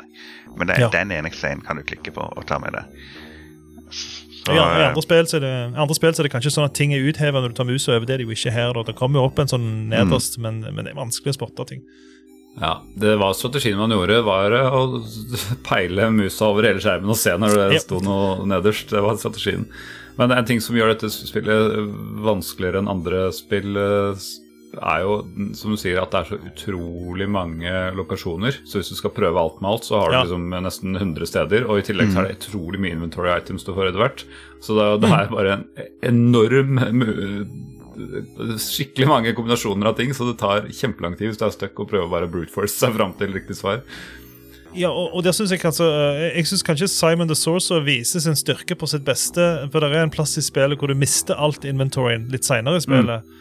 Og du bare mm. har noen få begrensa ting å jobbe med, og da er det, da er det et kjempespill. Altså Hvis, det hadde vært, hvis de hadde klart mer av det, Eh, og det er litt sånn Kritikken innledningsvis var jo liksom du får tilgang til så mye av spillet at det er vanskelig å, å, å fokusere, vite hva du skal fokusere på. Ja. Mens når du får disse delene av spillet hvor du bare har bitte litt inventory, har noen få ting du kan jobbe med, så er det kjempespill. Der funker det kjempebra, syns jeg. Mm. Jeg også syns det, det er ja, de få stedene både mot slutten, eh, men også noen enkeltsteder hvor du på en måte er litt innlåst og har begrensa ting. Det, det blir litt lett Eller det, puzzlen kan være vanskelig likevel, men da er, har du liksom ikke det samme handikappet som du har ellers. Da. Så det setter i hvert fall jeg pris på. Ja, og nå sa jeg i stad det, øh, det med den fyrstikkeska, for den husker jeg faktisk ikke at jeg brukte nå. Så det, det kan være det var en red herring. For det, var, det er en del av de også i spillet. Det er bare sånne ting du plukker opp. Og Det er grusomt irriterende. Mm. Ja. Og, og det er hele steder, f.eks. du kommer over Jeg lurer på om det er det samme stedet som du teleporteres til i starten. Det er en sånn stone table som man forteller er Ja. uh, a table for sacrificing uh, Hva er det når det gjelder Barberte løver. Uh, altså aslan. Narnia. men, men det er jo ingenting annet der. Så, og det er liksom sånn igjen en sånn, sånn korridor på en måte som du kan gå i. Så jeg, jeg husker jo det når jeg spilte de gamle, at eh, jeg gikk stadig vekk hen til det stedet for å se er det noe nytt jeg kan gjøre her. Det er også noe som skjer da, for det at underveis i spillet så får du nye muligheter uten at det er noen eh, egentlig eh, logiske grunner, eller uten at du vet Mm. hvorfor du får de nye mulighetene. Plutselig så er det kommet en ny figur eh, eller noe sånt noe et sted. Uh, generelt med gådesign her, det er mye sånn du gjør ting et sted, du plukker opp noe, du vet ikke hva du skal bruke det til. Så Mm. mye senere så Å ja, nå kan jeg kanskje bruke den. Det er liksom aldri sånn typisk Monkey Island at du hele tida vet hva du jobber mot. Du skal nå ett mål for å oppnå noe annet, og så Mm. så nå hovedmålet ditt. Her er det mer sånn Det er en ting som kan gjøres her, da må du prøve å få gjort den, men hvordan den hjelper deg, det sier vi ikke. Hvordan du skal gjøre den, det sier vi ikke. Har du det du trenger, det sier vi ikke. Du har Ja. garantert ikke det du trenger. liksom det, det er sånn Men altså Ja. Og det er jo sånn, jeg, jeg likte jo alltid Monkey Island 1 bedre enn Monkey Island 2. Shots fired. Um, men, og det er litt av grunnen til at Monkey L2 har også en stor del. Del nummer to i Monkey L2. er også en sånn gigantisk del. Ja, du vet hva du skal gjøre, men det er enormt mange plasser du kan gå. Det er enormt Mm. mange ting du kan plukke opp og, og kombinere med hverandre. Og det er jo da disse adventure-spillene detter litt igjennom hos mange. Det er da du detter litt av lasset. For det er en enormt kick når du får til ting i et adventure-spill. Når du sitter og er 13-14-15 år gammel, er litt dårlig i engelsk, forstår ikke alle referansene, men du har klart å kombinere et eller annet, få til noe, det kom deg litt videre i spillet.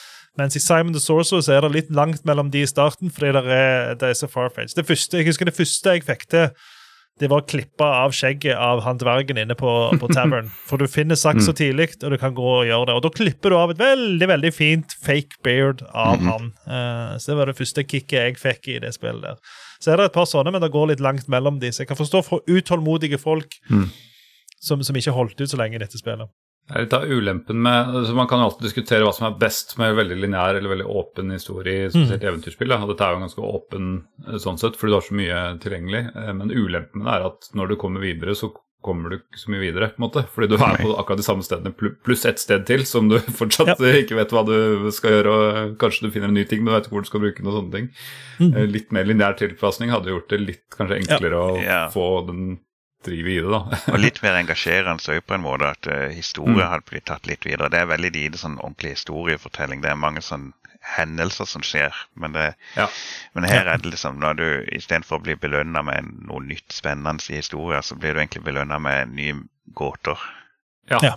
Stemmer det. Og det, ja, så det ene målet du kan si du har i starten, da, som du sier, det er at du skal bli en, uh, en wizard. Og da skal du skaffe en staff, er det ikke det du får? Jo. Og så du har liksom null formening om noe hvor altså, Du får ikke noe hint om hvor du skal gå. altså Det er sikkert her i området et sted, er liksom det beste de sier. Det er sånn, ok, det er et dritsvært område. Uh, og det er jo det er ikke sånn at du er ferdig med spillet når du finner den ellers. Så det er, altså, det er, det er bare ja, Nei, det er helt og, random. Gåten i seg sjøl er jo blanda inn i hverandre, så du finner på en måte Det, det er liksom ikke en sånn Ja, det er, det er, alt er veldig sammenblanda, så det er veldig kjekt når du får det til å finne ut av det til slutt, men, eh, men dette er jo også litt sånn typisk Monty Python, da. De var jo heller ikke gode på avslutning av sketsjer. ikke sant? Det var jo innholdet inne i sketsjen, det som skjedde i sketsjen som de hadde fokus på. Jeg tror det er litt samme her òg. Altså. her er det tinga som skjer underveis, som er det reisen som er spillet, liksom. Ikke nødvendigvis målet veldig viktig. Mm. Ja, det er jo noen veldig kule sekvenser. Uh, ja, det, det, er så mye Det mest det, minneverdige for meg, det er han der uh, svamplingen. Som du mm. kommer til. Det er en sånn veldig trist fyr.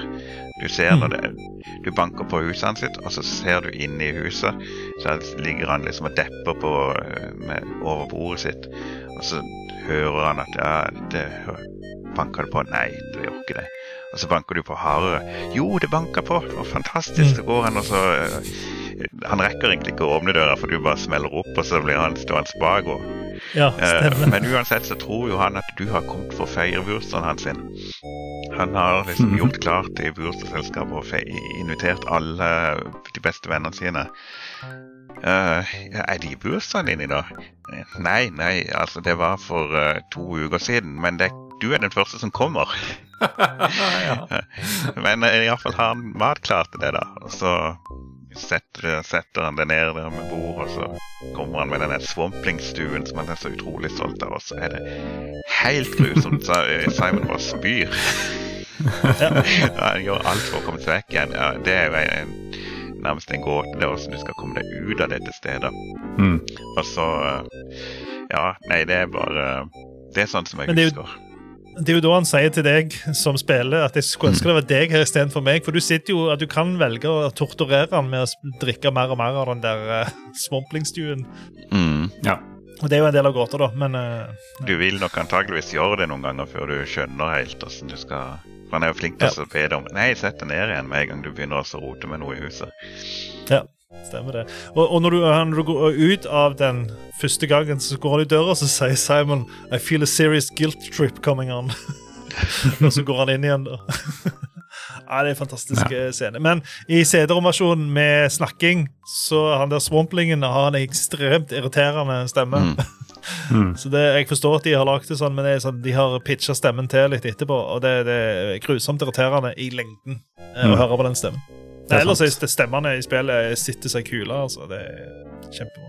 Ja, de har gjort en god rolle med For jeg antar at det, ble, at, jeg, at det var noe de gjorde etter at det hadde vært i salg og det ble en suksess. Så de har jo vært flinke til å, til å fikse Og det, og det, det som er litt eh, dumt på en måte Nå har de jo, Jeg vet ikke om det er noe vi skal gå inn på senere, men de har jo en metascore på 86. Sånn eh, aggregert score på 86 på dette spillet i sin tid, men det er jo basert på diskettversjonen. Og jeg mener jo at når du får stemmer på dette spillet, her, så løfter det spillet såpass mm. mye at det kan faktisk, den kunne ha blitt løfta med et par hakk opp den scoren. Ikke at det er veldig viktig, men, men de har jo fått inn eh, de har jo fått inn en som heter Chris Barry, som var med i Red, Red Dwarf, som var på en måte han her eh, Simon Woodruff. Han så veldig mye på Red Dwarf da. Så de fikk inn han. Satt i tre dager og spilte inn alle stemmene til Simon the Store, så han gjorde ingenting annet i spillet.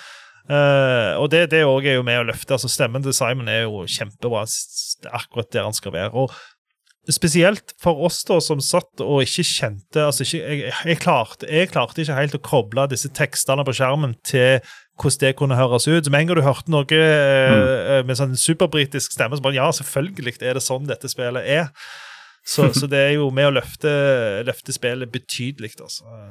Ja, jeg husker jeg ble overraska hvor sarkastisk uh, Simon er. Uh, ja. Sånn spydig og sånn. Som, jo, du ser det jo på tekst òg, men jeg, jeg, jeg, ble litt sånn, jeg, husker Det var en stor overraskelse når jeg hørte stemmen første gang, ja. at han var så han er, han er lite fornøyd med tilværelsen. Ja, han er mer likende på diskettversjonen. ja, altså, ja, absolutt. så, ja. Ellers så har jeg litt um, Det er litt morsomt, flere morsomme ting som er i manualen om uh, TechSpecs. Jeg pleier å lese dem på Moby Games, men uh, ja. nå tenkte jeg å kunne lese dem fra manualen, for det er jo britisk uh, Okay. To enjoy Simon the Sorcerer, you will need you will not need lightning reflexes, nor an IQ of more than 175, nor the courage of the great white bear. It could help if you have a sense of humor, but it's not essential. Oh yes, a computer with the following requirements would be handy as well: 12 megahertz, or faster IBM 80 com- or compatible system, 640k of RAM, VGA graphics cap- capability, a hard drive with approximately 10 megabytes of free space, a mouse, And obviously, in order to use these items, you will require a fully operational central and peripheral nervous system, all vital organs, and at least one hand, all compatible. Using the mouse and keyboard. If you don't know by now, then then there is no hope for you. Feel free to chuck your real computer out of the window and go back to your old games console. We're sure Queen of the Fungus people, or whatever, would appreciate it. yes. Veldig bra. Jeg hadde egentlig tenkt å fortsette å lese i manualen, men jeg tror du skal få fortsette, for du gjør det mye bedre rolle enn meg. så skal vi se. Eh, videre så står det noe om um, hvordan du skal installere spillet. Kan du lese det også, Martin? Ja. There are two main methods for installing games onto your hard drive. Method 1 This method is for really clever people who know tons about computers. We suggest you attempt this method first. 1. Remove the disks from the box and flush them down the toilet. 2. Go and buy another set of disks and repeat the process. Method number two, the real one. This is for really stupid people who know nothing about computers. Anyone with half a brain cell shouldn't be reading this section. 1. Start up your computer system. This often involves pressing the big switch labeled on. 2. Insert disk 1 into your floppy drive. NB. There may be some difficulty hand to eye coordination required here. 3. Select floppy drive containing disk 1 by taping A colon or B colon and pressing enter, the big fat one. 4. Type install and press enter. 5. Follow the instructions on screen to set up Simon the Sorcerer to work to its full potential on your computer.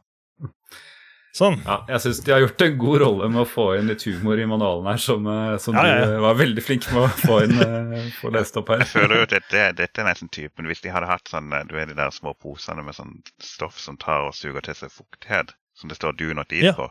Men her, i, ja. manualen her så hadde de skrevet And uh, accompanying snack. ja, For really clever people. Ja.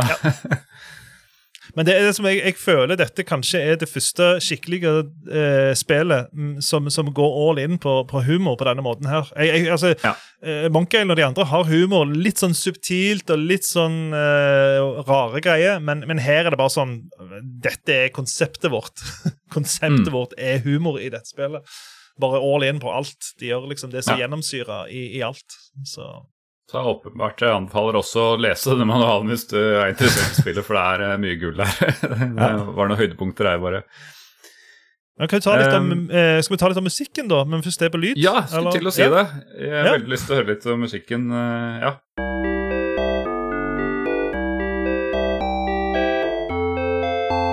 Altså, Jeg må, må, bare si at uh, når jeg skrev den artikkelen på spillhistorie.no uh, Jeg kjenner jeg angrer litt ved det. Jeg, jeg slakta ikke musikken, men jeg, det, det, ble en liten parentes. For ofte når jeg skriver for spillhistorie, så, så blir disse her musikken eh, to-tre avsnitt minst, mm. med enormt passionate om hvor mye den musikken betydde for meg.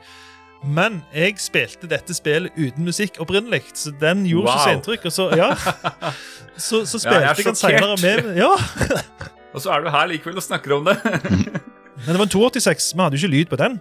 Så, så jeg spilte den uh, helt i mute, liksom. Og når jeg har spilt det senere, så syns jeg musikken har vært grei, men den har ikke gjort et dypt inntrykk på meg. Men jeg hører den igjen nå, så forstår jeg hva folk mener når de syns musikken er veldig bra. Og han varierer jo fra skjerm til skjerm òg. Så, så, i noen plasser, når du kommer inn til han der um, når du kommer inn til han fyren som selger på, på gata der inne i landsbyen, så er det en musikk som er litt sånn uh, arabisk inspirert, og så kommer du ut, så er det i skogen så er det litt sånn dunkelt her og der, og så bygger det seg opp. Så de har klart å på en måte fade musikken inn og ut og følge stemninga der du er mm. akkurat nå. Mm. Og Da kan vi også påpeke at eh, spillet har eh, veldig stor variasjon. Altså du, når, når jeg tenkte på Simon Saucer eh, før jeg spilte det, så husker jeg skauen veldig godt og alt det der. Mm. Men eh, utover spillet så blir det Du får disse her fjellområdene som det er masse snø, og så får du en sånn mm. sump som er sånn skikkelig The Skull Island det er egentlig bare en sånn gigantisk hodeskalle som ligger i den der sumpen. Det er ufattelig bra bilde. Ja. Eh, og, og, etter hvert så blir det sånn eh, ja, sånn nærmest sånn horroraktig Ja, For Jeg skulle til å si at det er veldig livlig musikk, og så er det liksom enkelte områder som er veldig sånn sinister. Her Ja. er det litt skummelt fjell og sånne ting som du sier. Altså, jeg er enig med deg. Ja, helt på slutten òg, så er det mange steder som er Det er liksom helt forvridd, og det ser liksom ut organisk på en måte. Sånn eh, Mm. Geiger-aktig, nærmest, noen Ja. steder. Ja. Og det er jo litt, litt interessant, for at disse folka som lagde dette spillet, var jo horrorspillfolk. Eh, så dette spillet eh, Jeg har prøvd å nøste opp i det, jeg har endelig funnet ut av det. Eh, for de skifta jo navn til Adventuresoft, men eh, så viste jeg at de brukte jo Horrorsoft. Altså Det var jo det gamle navnet. Ja, det. brukte de når de ga ut horrorspill, og så brukte de Adventuresoft når de ga ut adventurespill. Helt samme gjengen som lagde de forskjellige spillene, og så alt etter hva type spill de ga ut, så var det den utvikleren, eller det var den utvikleren som hadde lagd det. Det var samme gjengen. De, de var faktisk ganske gamle.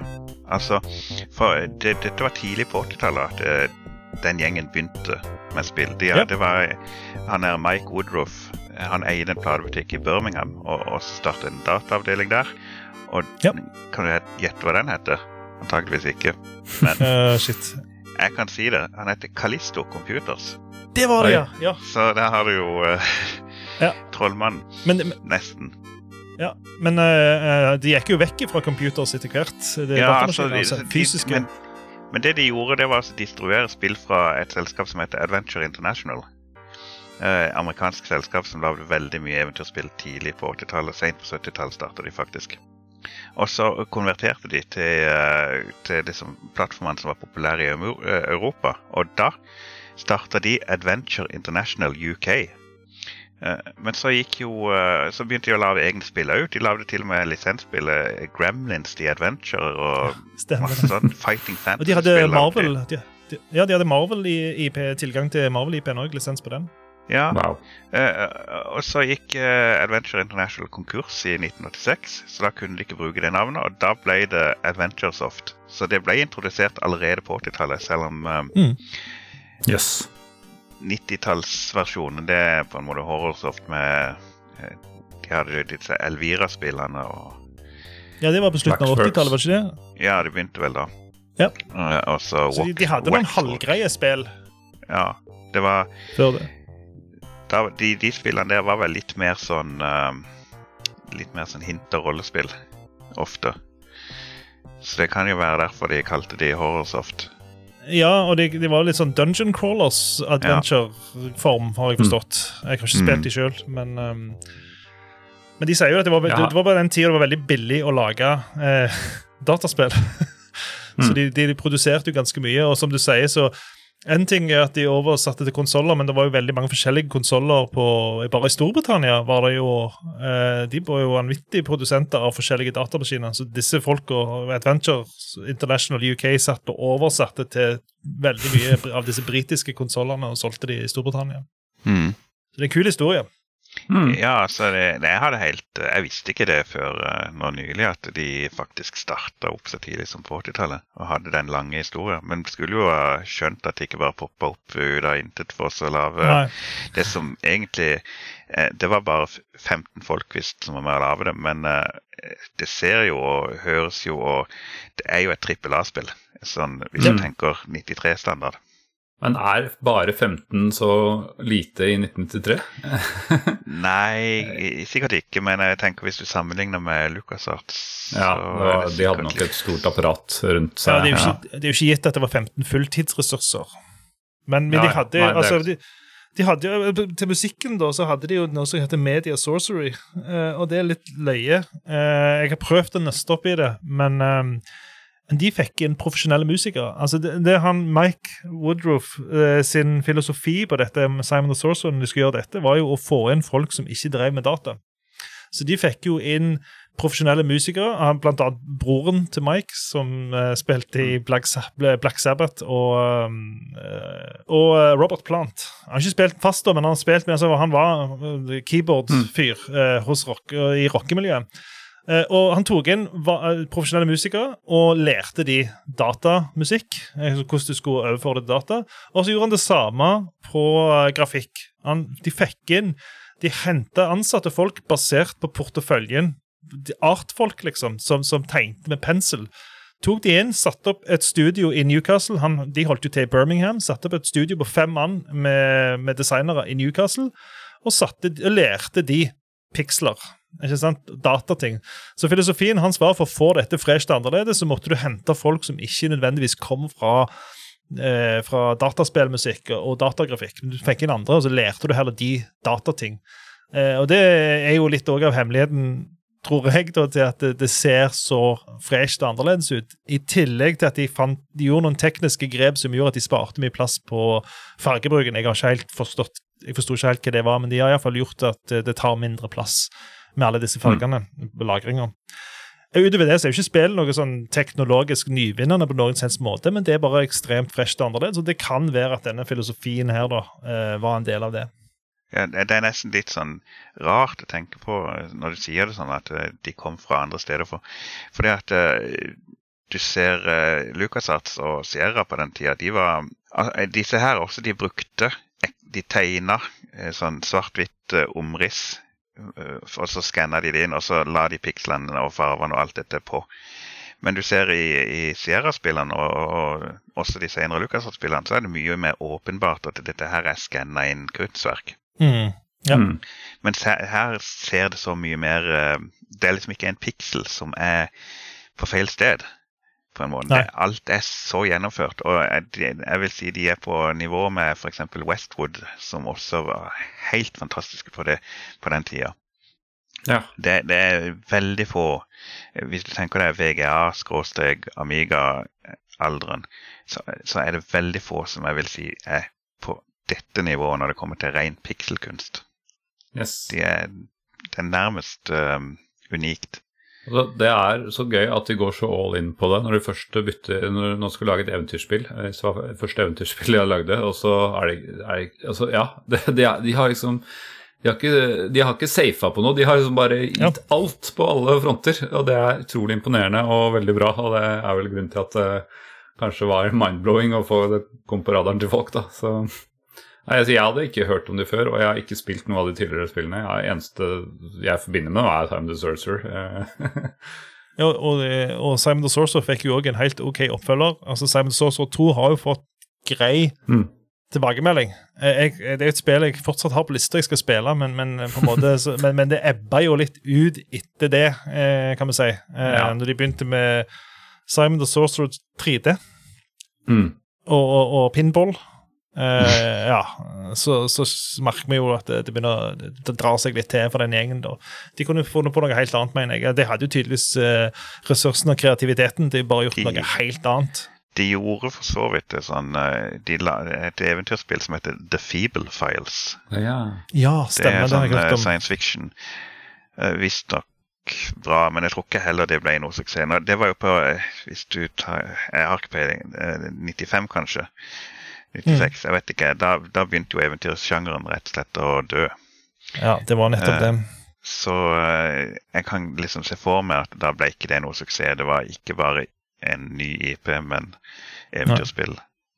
Ja, det er litt morsomt. Alle de spillene som du nevner her, de hørte jeg først om når GOG ble lansert. For det her var altså den gangen GOG hadde ja, bokstavelig talt 15 spill, så tror jeg dette var eh, Hadde de, de, de, Waxwork og Elvira og Fable Files, så det var da jeg hørte om, hørte om det første gang. ja, og eh, Fable Files er jo òg inspirert av filmen Brasil fra 1984, med han Terry Chapman fra Monty Python.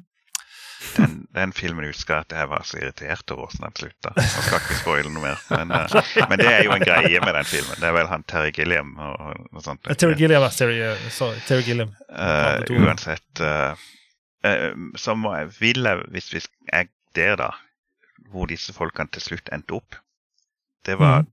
Headfirst Productions, heter det. De lagde et uh, grøsser-actionspill som heter Call of Cthulhu. Dark Corners of the Earth ble utgitt av Bethesda, som gjorde en fantastisk elendig jobb. Spillet floppa totalt, men det er, ja. eller var iallfall, helt briljant. Det er et ja. av de mest effektive førstepersons jeg noensinne, eller grøssespillene noensinne har spilt. Og han, eh, Mike Rudolf, sa at de brukte jo enormt mye ressurser på å få til disse her uh, grafikken i det spillet. De brukte sånn Silicon Graphics-maskiner, og uh, de hadde leid inn profesjonelle folk som brukte mange måneder på å lære dem opp i hvordan disse tingene fungerer. Så hver ting de skulle gjøre i det spillet, kosta enormt mye. Så kosten ved å lage spillet var enormt høy, og så var det jo ikke noen suksess. Nei, jeg tipper, altså Betesta eh, har tradisjonelt vært veldig god til å gi ut sine egne spill. Det er før Mm. Microsoft, da. Og vanvittig dårlig som utgiver av andre. Så Ja. eh, eh, det var de som droppa ballen der, for å si det sånn. Det, det spillet hadde fortjent å bli en ordentlig, ordentlig suksess. Det er vel de som eier Quake og Doom, er ikke det? id Software sine Ja, nå eier de, nå eier de jo id Software, så Ja, stemmer. Eller Zenimax, som er det eh, moderselskapet. Uh, Simon the Sorcerer gjorde det veldig stort i Tyskland. Det var gigantisk i Tyskland. Så han sa jo det, Mike Woodruff, i det intervjuet jeg hørte, at de, de solgte jo selte, sendte enormt mye spill ned til Tyskland. Så og hvis du, sånn Jeg prøvde å sjekke om det var noen podkaster på Simon the Sorcerer, og veldig lite på engelsk, men enormt mye på tysk. Ja. Så det er jo tydeligvis at det, det har vært uh, veldig stort uh, der, da. Men en kul ting om Simon the Sorcerer 3D, da. Uh, en, I en del av spillet Dette har ikke jeg prøvd sjøl. Så, skal du sette opp en datamaskin med et eller annet, og så skal du da, for å åpne CD-rommen på den datamaskinen i spillet, så må du åpne din egen fysiske CD-rom på datamaskinen. Ok. Skikkelig sånn metagreie. Men eh, hva du gjør da hvis du ikke har CD-rom, det vet jeg ikke. Men eh, Jeg å det var litt, ja, det er veldig kule ting, syns jeg. Ha. Ja, jeg liker, eh, liker litt sånn som tenker out of the box, så det er bra. Men eh, ja, tilbake til Simon Sorcerer 1. Er det noe mer um, ting vi bør snakke om som dere har på hjertet? Ah, nei, jeg, er bare sånn, jeg, jeg kan du droppe en liten fun fact, da. For det er jo mye i dette spillet av begrepet ye old, som jeg syns er et Ja. eh, fantastisk interessant begrep. Som i, egentlig i gamle dager var the old, eh, men eh, denne her TH-lyden, da, som heter Thorn, som var en egen lyd eller egen bokstav som de hadde før i tida, den hadde de jo ikke i pressen når de begynte å trykke bøker og sånt, så de erstatta den jo. De hadde jo ikke den i alfabet, så de erstatta den bare med en Y. Um, så mange plasser når det står sånn The Old In, eller Ye Old Inn, så har det bare blitt Ye Old, og så har det blitt et kulturelt begrep som bare har satt seg. Så det er egentlig ikke noe som heter Ye Old, det er The Old Nei. egentlig alltid. Og det gjør det litt kjedelig, så det er mye kulere å bruke Ye Old. Men uh, det er veldig mange referanser til Ye Old i uh, okay. I Simon så, så, så det som er the nå, THE, det er Mm. uh, det, det var, var en Y fordi de ikke hadde bokstaven uh, s, Ja. da, som fortsatt uttaler. okay, så, så det er rett transkribering. Ja. Transkriberingsfeil. Mm. På islandsk så har de, på islandsk så har de fortsatt denne her tårnlyden, da. Eh, bruker den Mm. ganske aktivt, men eh, den er utradert fra engelsk eh, skrift fordi de vi erstatter den bare med TH til slutt. Men det er, ja, for det kommer vel fra norrønt og, og, og Norge, og så har vi, har vi den ikke her det. lenger, men lever i beste velgående på Island.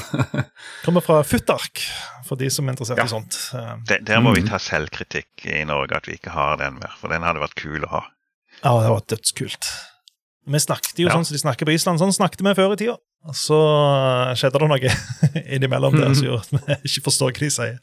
Det er vel andre sånn Færøyene som tror jeg også har ganske lignende språk som det vi snakka her i gamle dager.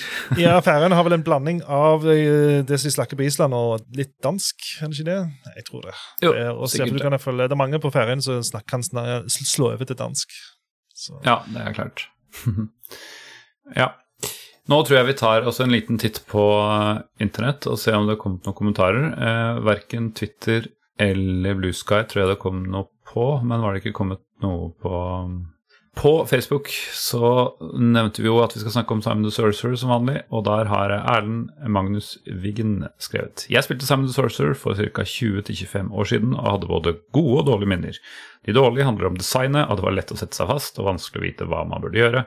De gode minnene handler om grafikken og stemninga. Husker spesielt godt at det var masse ansikter skjult i diverse steinformasjoner rundt omkring i spillverden, som var både rart og kult. Eh, og det er jeg enig i, for mm. det er ganske stilig å se hvordan de liksom har lurt inn eh, ansikter i fjellet og sånne ting. I trær òg, ja. Ja, litt, litt freaky. Absolutt.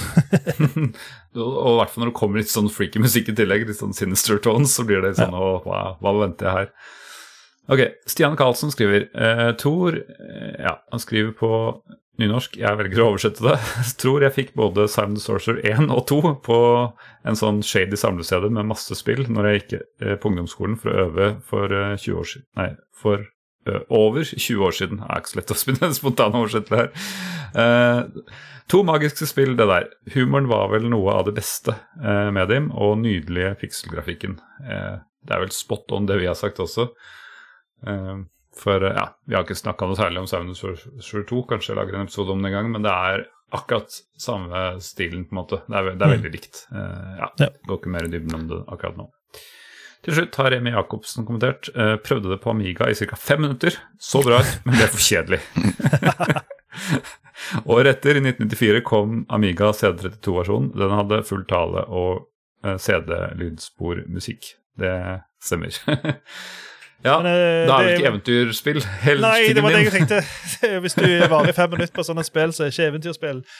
Jeg vet ikke om vi skal jukse og ta med kommentaren som kom når vi la ut artikkelen på Facebook til spillhistorie. Uh, det kunne vi jo tatt ja, med. gjør det. Ja. Det er hyggelig når du har, ja, først har gjort en innsats her. Det, det, det, det, er jo ikke folk som har bedt om å være på en podkast, men sånn er det når du kommenterer ja. i det offentlige fora, så må du risikere sånt. Stig Fossdal, Stig Fossdal har det til Amiga. Ni disketter, men ingen tale. Jeg kan ikke huske det var så mange disketter på Amigaen, men uh, ja, ja, det kan stemme. ja.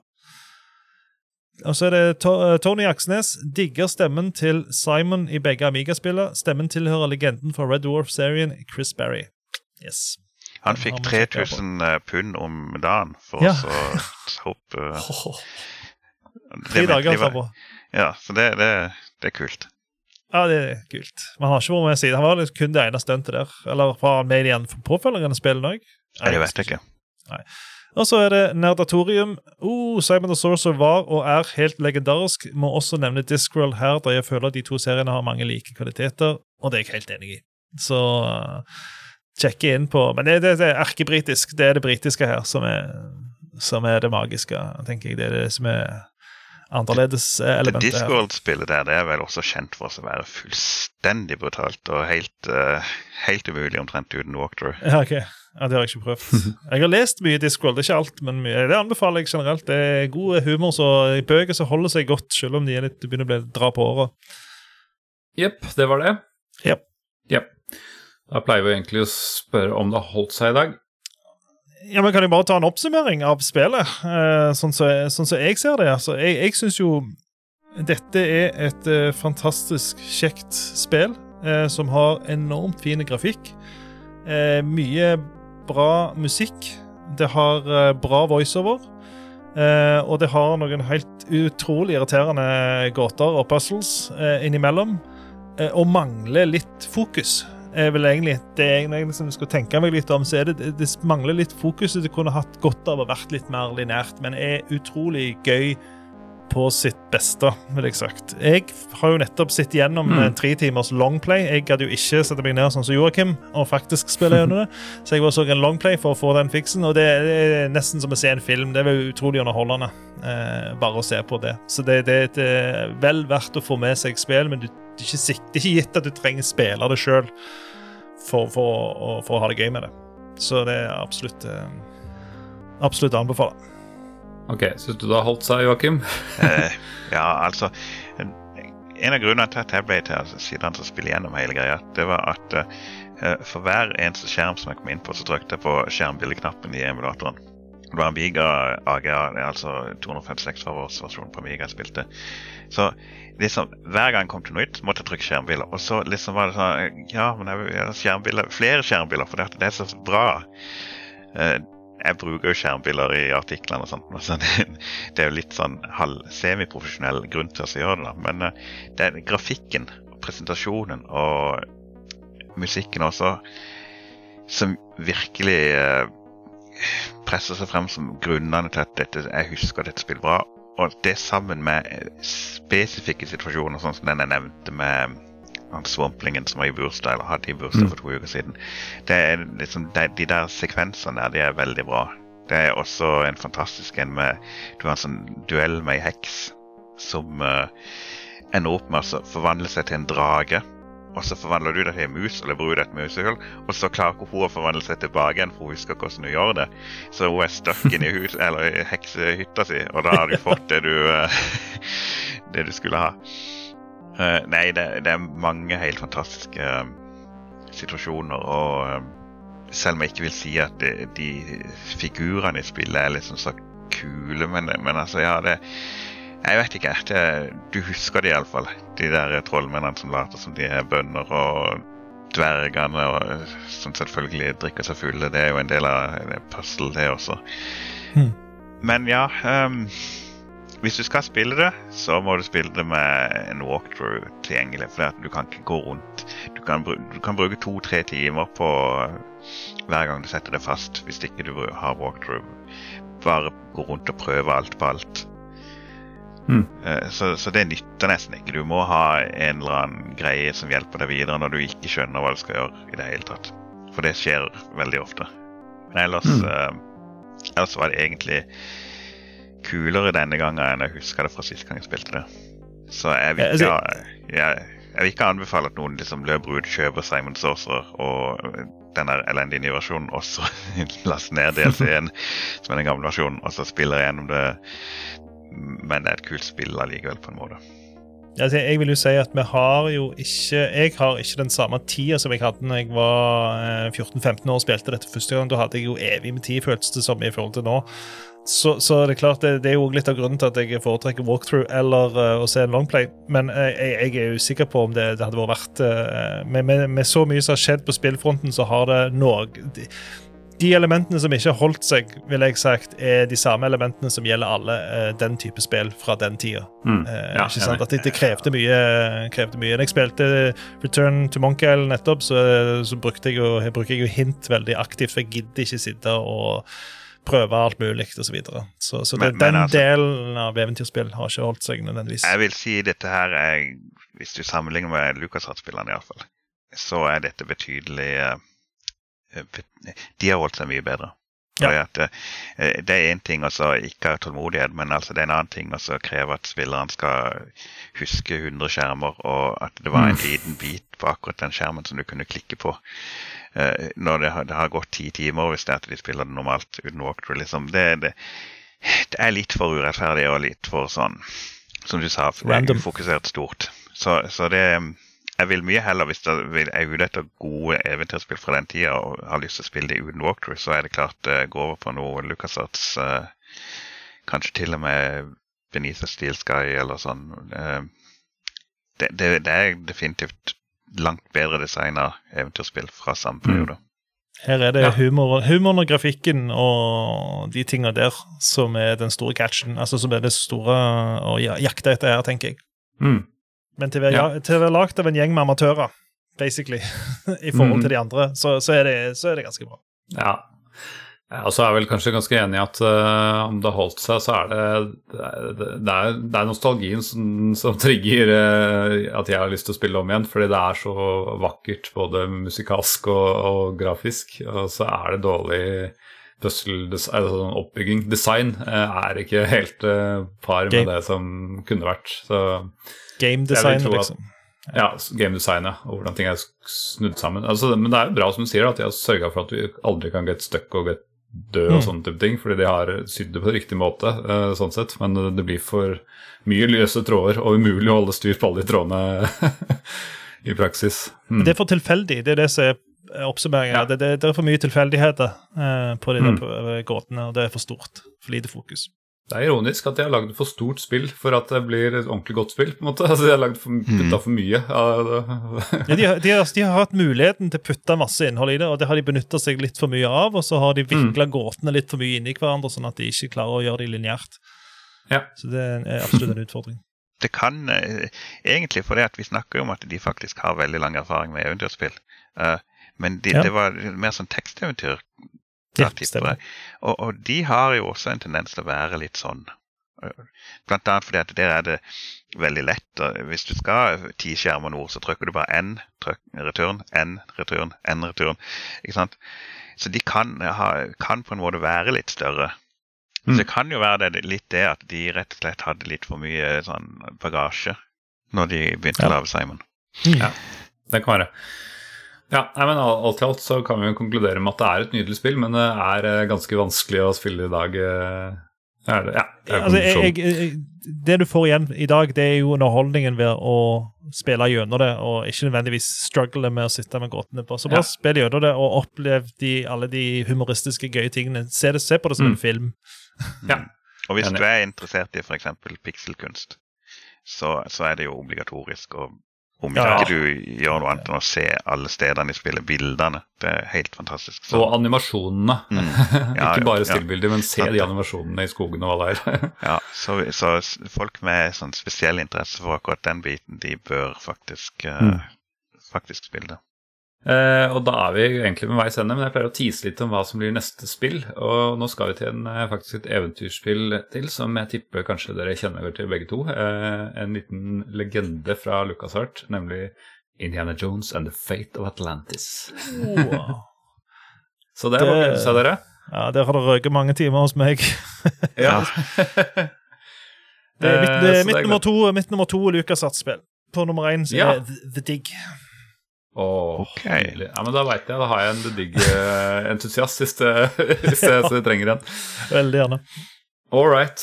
Men eh, vet du hva, tusen takk til eh, ja, både gjest og vikar. Kan jo begynne med deg, vikar. Du har gjort en eh, veldig god jobb, Martin, med å holde praten i gang og gjort for eh, mye forkunnskap.